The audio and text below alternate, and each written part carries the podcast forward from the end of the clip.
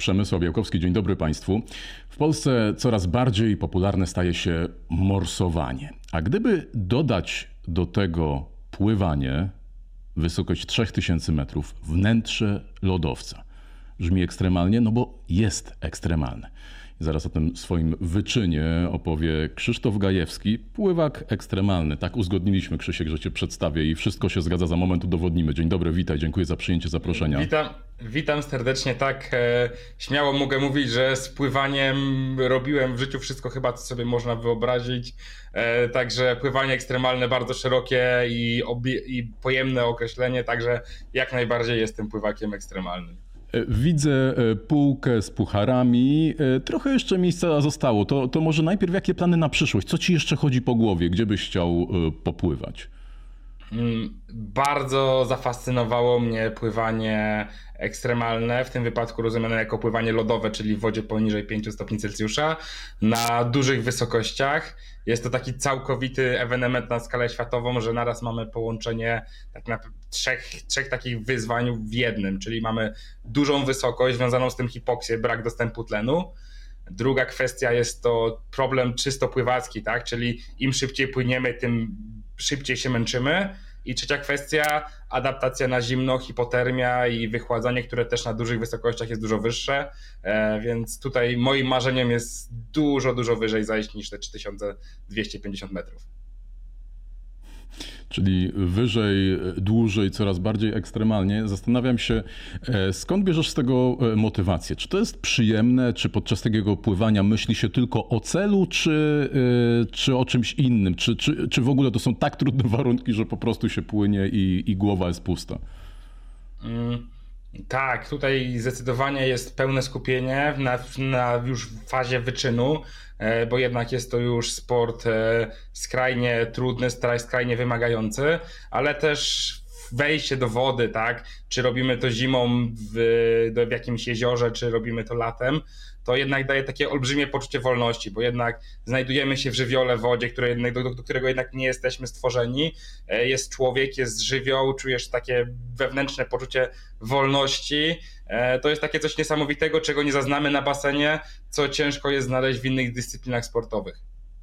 No właśnie, ciężko też o taki bardziej namacalny kontakt z naturą. No wyobrażam sobie, że ten lodowiec no to jest miejsce, w którym no, no, no nie ma ludzi, jest takie wręcz dziewicze i, i pewnie w takich miejscach też pływałeś. Czym to się różni od takiego zwykłego pływania? Mm.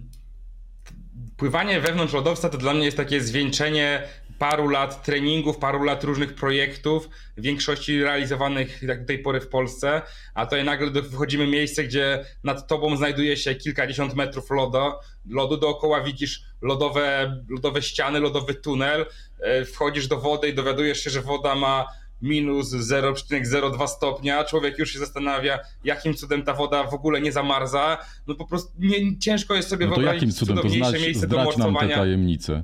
Jest to temperatura bardzo zbliżona do 0 stopni Celsjusza. E, prawdopodobnie przez e, wysokość, e, praktycznie całkowite zdemineralizowanie tej wody, ona troszeczkę inaczej się zachowuje. Ona już, jak nawet płyniesz, czujesz, że jest troszeczkę gęstsza. To, to może się wydaje śmieszne, ale ta woda naprawdę jest gęstsza. Hmm. Okej, okay, no dobrze, no to już popływaliśmy, zrobiło się dosyć e, chłodno, e, ale teraz przejdźmy może z tego aspektu sportowego e, trochę bardziej w, w to całe otoczenie, bo i w swojej karierze masz jeziora, ekstremalne pływanie, siedem największych polskich jezior przepłyniętych w, w kilka dni. Byliśmy w Austrii na lodowcu, no więc miejsce zupełnie, zupełnie dzikie, no ale tego nie można powiedzieć o, o Mazurach, o polskich jeziorach. Jak się w ogóle pływa w tych otwartych, e, na tych otwartych e, wodach? Czy, czy to jest bezpieczne? Czy ta woda jest czysta? Czy trzeba to wybierać, dobierać, sprawdzać? Jak wygląda przygotowanie do tego? Mm, pływanie na wodach otwartych jest e, takim, taką naturalnym postępem człowieka, jak kończy E, pływanie basenowe albo szuka czegoś więcej, odkrywa, że na wakacje na plaży można nie wyłącznie leżeć, opalać się, ale można w, tym, w tej wodzie popływać. E, czy jest to bezpieczne? Jeżeli robimy to z głową, może być to całkowicie bezpieczne. Jako bezpieczne rozumiemy przede wszystkim, wchodzimy do wody wyłącznie, jeżeli potrafimy pływać. E, jeżeli gdziekolwiek pływamy, to pływamy wyłącznie w miejscach dozwolonych.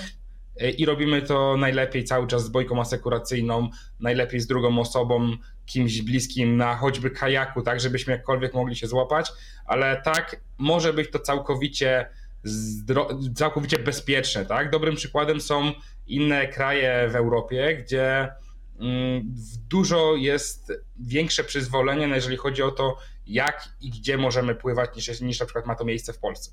My mamy jeszcze takie troszeczkę przyzwyczajenia do zasady takiej, że nie wolno pływać nigdzie, chyba że jesteśmy na kąpielisku.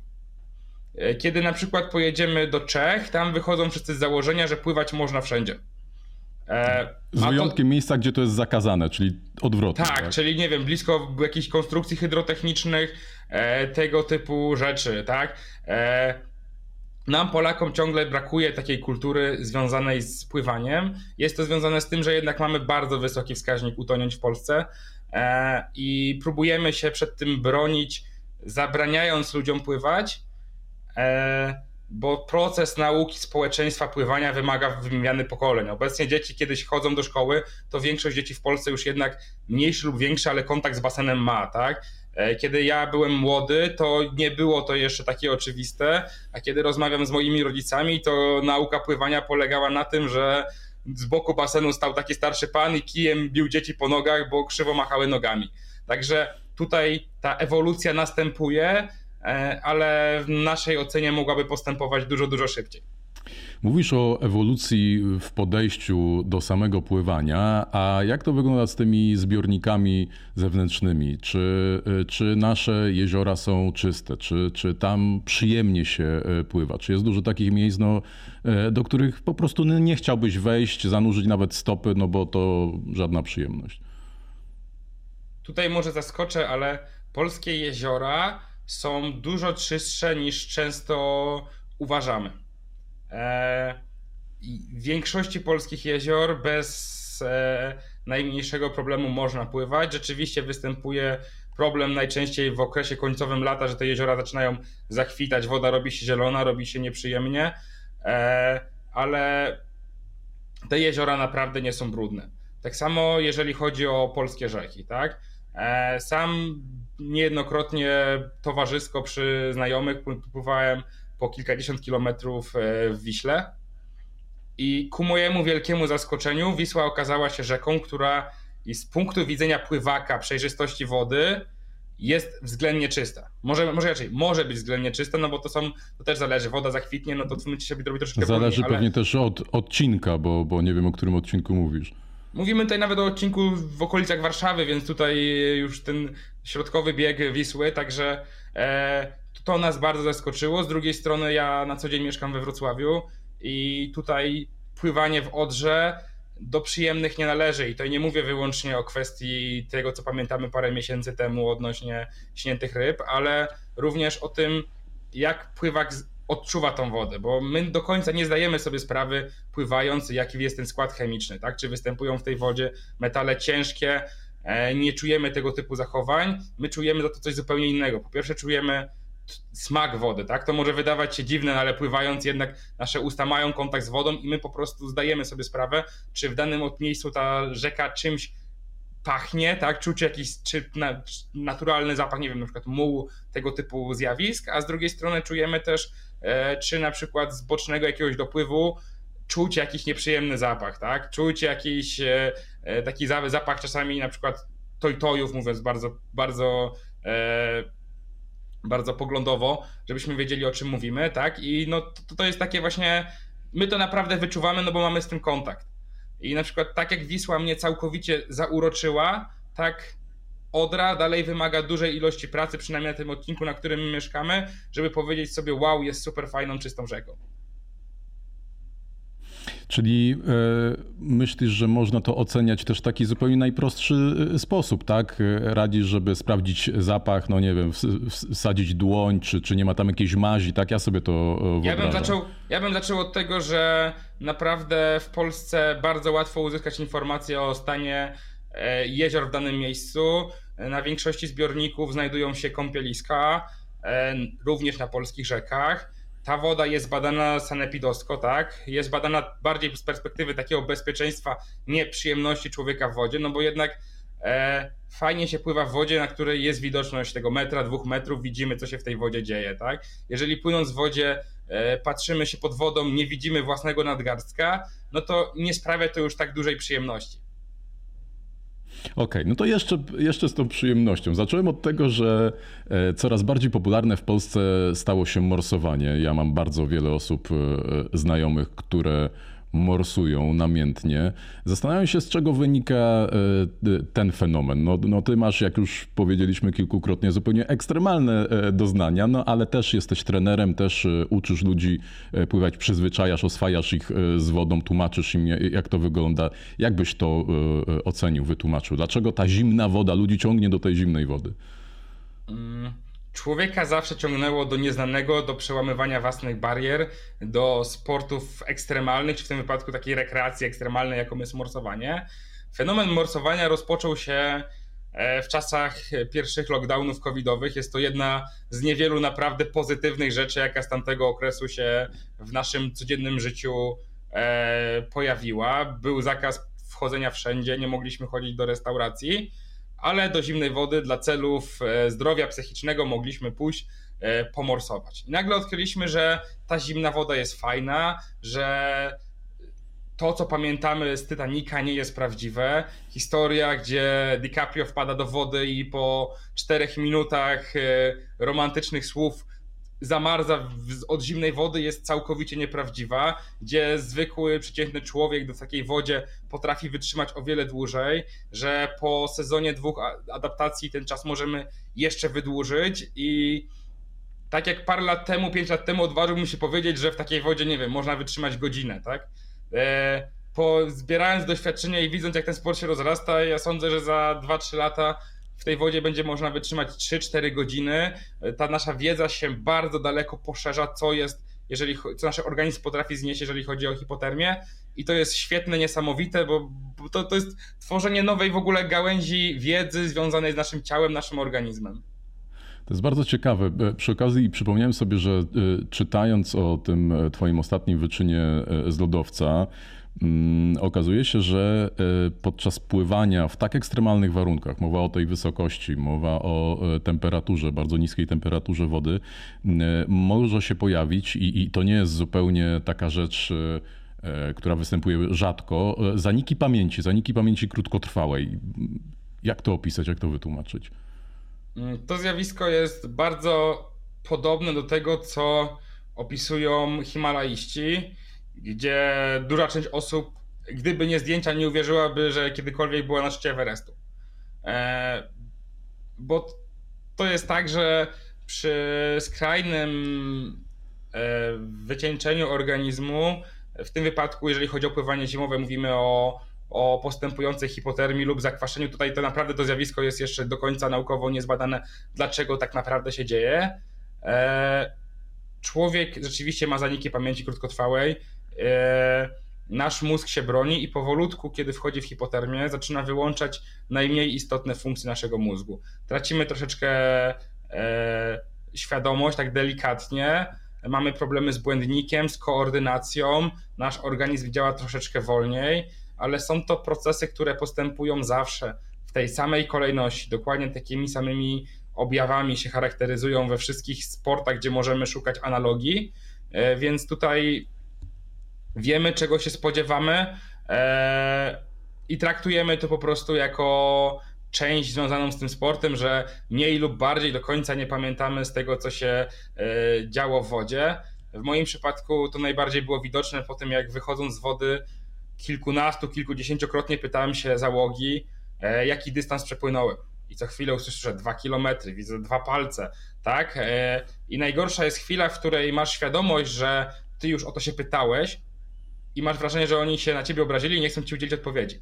E, I pytasz się ich znowu, tak? A z drugiej strony, e, kiedy w, właśnie w takiej fazie, kiedy wychodziłem, kiedy, kiedy było po mnie widać, że po prostu nic nie, nie pamiętam, nagle pojawiło się hasło e, pomożemy ci ściągnąć spodenki startowe, e, które były zasupłane, tak? Podchodzą z nożem, żeby rozciąć sznurek, a człowiek nawet w takim stanie krzyczy nie, nie rozcinajcie, przecież to półtorej tysiąca złotych, tak? Także tutaj człowiek jest częściowo świadomy, tak, na pewno jest w pełni przytomny, e, ale tego typu reakcje organizmu, jak zaniki pamięci się pojawiają. To ja cię bardzo przepraszam za to pytanie, bo może ono dziwnie zabrzmi, ale po co robić coś, czego się nie będzie pamiętało, czy będzie się tylko częściowo pamiętało? Eee, na szczęście są nagrania na, na różnych platformach streamingowych. Ja też sam mogłem zobaczyć swoje reakcje, ale to jest takie w momencie, kiedy wyjdziesz z tej wody, spokojnie, spokojnie już się opanujesz. Pojawia się w twojej głowie takie typu wow, ja nie wierzyłem, że to jest możliwe. I tutaj chodzi o całą drogę do osiągnięcia celu, tak? Najpierw marzysz o czymś, co wydaje ci całkowicie niemożliwe. W drugiej fazie w ogóle zastanawiasz się, a może jednak to da się zrobić Trzecia faza to jest wielka organizacja oraz dochodzenie do tego, jak wytrenować własny organizm, żeby to było osiągalne i było w pełni bezpieczne. Tak? Także e, sporty ekstremalne w tym są taką formą drogi do samodoskonalenia się, gdzie w sposób bardzo jasny możemy określić, czym jest sukces. I to jest du dużo fajniejsze niż to, z czym mamy kontakt często w życiu codziennym, że idziesz do pracy, czujesz, że zrobiłeś kawał dobrej roboty i z tyłu głowy zapala ci się lampka, no w sumie mogłem to zrobić jednak trochę lepiej. Nie do końca zdajemy sobie sprawę, gdzie jest sukces, tak? A tutaj e, sprawa jest prosta. Realizujesz projekt, realizujesz wyzwanie, osiągasz cel, o którym marzyłeś, i to jest e, takie zero-jedynkowe. To powoduje, że właśnie jeżeli chodzi o myślenie, zastanawianie się, czy zrobiłeś coś dobrze, czy źle, jest dużo łatwiejsze od życia codziennego okay, to było, jeśli się nie mylę, 40 minut, tak? W okolicach 40 minut ten, ten lodowiec. E, no, gdy sobie to porównam, oczywiście warunki zupełnie inne, ale gdy sobie to porównam z innym twoim wyczynem, czyli spływaniem właściwie e, dwie doby, to też się zastanawiam, w innych warunkach, bo, bo to już ciepła woda, e, zupełnie coś innego, to teraz w tym takim właśnie ekstremalnym, ale w kierunku czy odległości, ale też czasu bez spania, po prostu zmęczenia. Jak, jak, jak tutaj jest? Co się dzieje w głowie przez, przez ten czas? No bo w 40 minutach wiemy, zaniki pamięci stosunkowo no niedługo to wszystko trwa, a a w tych e, rekordowo długich i czasowo i odległościowo rekordach, jak to jest? Tutaj walka jest o wiele cięższa z tego powodu, że trwa o wiele dłużej. Więc przy tego typu wyzwaniach, e, w momencie, w którym człowiek krzyczy, że nie, nie da rady wytrzymać choćby 5 minut, nagle sobie uświadamia, o, zostało mi jeszcze 20 godzin. E, I to jest strasznie ciężkie dla naszej psychiki. A jak te wymaga... kryzysy przychodzą? Bo, bo wiem, e, znam od osób, które biegają maratony, że, że jest zwykle, to się chyba nawet jakoś nazywa tam klątwa 30 któregoś kilometra i, i, i wiele osób w tym momencie no już czuje ścianę, czuje barierę, więcej, więcej nie pobiegnę. A, a u ciebie? Mm, to, to, to wiadomo, że im dłużej, dłuższy trwa wysiłek, tym zmniejszamy intensywność i tutaj taką barierą E, w której najwięcej takich prób zostaje przerwanych niepowodzeniem. Jest to bariera między 31-34 godziny czasu płynięcia. Jest to czas, w którym nasz organizm zaczyna reagować w sposób bardzo dziwny. Troszeczkę e, wydaje nam się, że cały świat jest przeciwko tobie. Twoja psychika zaczyna działać zupełnie inaczej. E, zaczynasz być naprawdę wewnętrznie nielogiczny, tak? Szukasz we wszystkim wrogów, e, masz swego rodzaju halucynacje, takie nie to, że wydaje ci się, że coś wiesz, tylko ty jesteś czegoś pewny, tak? I, i to wymaga straszliwej walki z samym sobą, dlatego że ty musisz pogodzić się z tym, że to, co wewnętrznie czujesz i wiesz, nie jest prawdą i musisz dalej robić to, co robisz, dlatego żeby, e, pogodzić, żeby, żeby, żeby osiągnąć cel, tak? I jak kiedy wyszedłem z 48 godzin, e, moja reakcja była taka, ja muszę przemyśleć, co tam tak naprawdę się wydarzyło. E, I przemyśleć z rodzaju takiego, że w trakcie tego wyczynu pojawiło się tak wiele takich zachowań, których nie spodziewałbym się nigdy po sobie, nie spodziewałbym się po żadnym normalnym człowieku, których ja się osobiście nie spodziewałem, tak? I e, człowiek w takich chwilach dogłębnie poznaje siebie, poznaje to, czym tak naprawdę nasza, nie wiem, gospodarka hormonalna, brak snu, stres potrafi nas do czego doprowadzić. Ja w czasie drugiej nocy, kiedy płynąłem, e, miałem taką wizję w pewnym momencie, że czuję, że ktoś chce mnie za chwileczkę zabić, tak? E, człowiek wie, że to jest całkowicie irracjonalne, nie ma to najmniejszego realnego podłoża, przecież tam są tylko i wyłącznie ze mną ludzie, moi przyjaciele, którzy poświęcają swój czas, żeby mi pomóc. I nagle w takiej chwili, płynąc spokojnie kraulem, słyszę za mną, ktoś płynie, tak? No i ja w tym momencie jestem w 100% pewny, tak, to on, tak? Jestem tego pewny. Ja staję, no bo się nie obrócę, bo ja miałem wizję, że ktoś chce we mnie wbić nóż w plecy, tak? Ja staję, nagle słyszę, że ktoś za mną też staje. No to ja powoli ruszam. Nagle słyszę, o, ten za mną znowu powoli rusza, nie? Już sobie wyobraź takie sceny z, z horrorów czy z innych takich thrillerów, gdzie ktoś z tyłu ciebie śledzi, tak? I nagle, wiesz, ja się obracam i ja jestem gotów tego człowieka utopić, dlatego, że ja jestem pewny, że on chce mnie zabić. To nie o to chodzi, że ty masz wrażenie, strach, nie wiem, jak przed wejściem do piwnicy jako dziecko e, małe w domu, że tam mogą być potwory, tylko ty jesteś w sposób całkowicie dla ciebie w tej danej chwili racjonalny, jesteś pewny, że, e, że to, to, co robisz, jest prawdą. I dopiero kiedy na spokojnie potem analizujesz swoje zachowania, swoje uczucia, dowiadujesz się, że twój organizm przy ekstremalnym wysiłku wysyła ci bodźce, które są całkowicie nieprawdziwe i na swój sposób musisz nauczyć się rozróżniać to, co jest prawdą, od tego, co organizm ci błędnie wysyła, tak? E, bo to jednak tak troszeczkę upraszczając, bo to wiadomo, to jest woda, to jest pływanie, tak? To jest troszeczkę tak, jakbyś poszedł na imprezę z piątku na niedzielę. I dwie, dwie doby po prostu cały czas, cały czas intensywnie e, się bawił, wykonywał ruch, tak? Pomijając, że tutaj w wodzie nie możemy zasnąć nawet na dwie sekundy, bo od razu zapomnimy oddychać, tak? I opijemy się wody, tak? Ale e, i nasz organizm Krzysiek, na skrajnym to, niewyspaniu. Y, doprecyzujmy jeszcze jedną rzecz. Ja wprawdzie o tym czytałem, ale myślę, że dobrze też, żeby to, to wybrzmiało tutaj, jak e, rozmawiamy, bo, bo dla ciebie to jest oczywiste, ale nie każdy wie, jakie są zasady takiego, e, takiego e, konkursu czy, czy, czy takiego wyczynu. No bo mówisz o tych 48 godzinach. Czy to jest czas, w którym są jakieś przerwy? Czy, czy, czy tam jest jakoś ustalone, jak, jak taki harmonogram, jak, jak, jak te godziny mają mijać? Zasady są bardzo czyste, jasne i klarowne. Pływak może mieć wyłącznie jeden czepek, okularki, kąpielówki. Przez całe 48 godzin nie można dotknąć dna, nie można dotknąć żadnej e, jednostki asekurującej, czyli choćby uzupełnianie płynów, jedzenie, wszystko się odbywa przez e, unosząc się w wodzie, tak? Więc tutaj nie możemy sobie pozwolić na żadną realną przerwę w tego typu projektach, tak? Nie można stanąć choćby na 5 sekund na, na dnie, żeby odpocząć. Jakakolwiek czynność tak i tak wymaga od ciebie wysiłku, bo jednak dalej musisz się w tej wodzie unosić. A jak płyniesz? A y, zmieniasz style, nie wiem, czy, czy y, już mówię o samej technice pływania? Nie, wyłącznie stylem dowolnym, czyli crawlem. Z prostego powodu jest to styl najbardziej wydajny, jeżeli chodzi o ilość włożonej energii w niego. Okej, okay, ale tak, tak, tak się zastanawiam, czy nie byłoby to jakieś urozmaicenie, gdybyś po jakimś czasie, to nie wiem, chwilę popłynął e, na grzbiecie, albo e, no, czy, czy to już jest jednak tak, tak ustalone, że, że jest tylko to, koncentrujesz się tylko na tym i reszta się nie liczy? Organizm jest bardzo dziwnie pospinany i po kilkudziesięciu godzinach pływania przejście do innego stylu kończy się natychmiastowo jakiegoś formami skurczów a druga kwestia jest taka, że obracając się na plecy, przynajmniej u mnie, natychmiast pojawiają się zawroty głowy i problemy z błędnikiem, więc tutaj po dłuższym czasie pływania ja już na plecy się nie obracam. E, także tutaj wyłącznie kraul. A ile kalorii spaliłeś podczas tego wyczynu?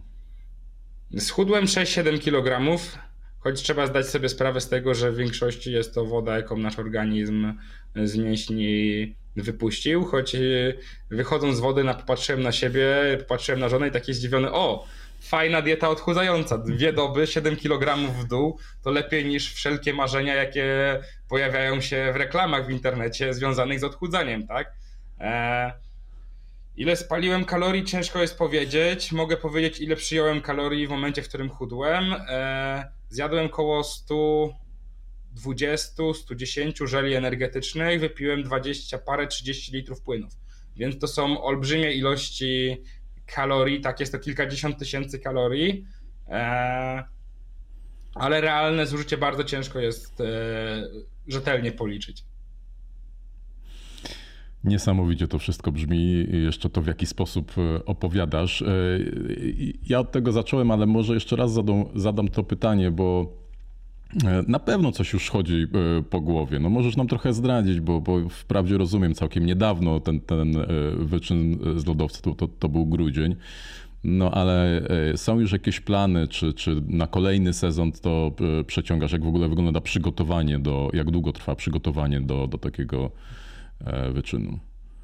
Tak jak powiedziałem, zafascynowało mnie pływanie na dużej wysokości w zimnej wodzie.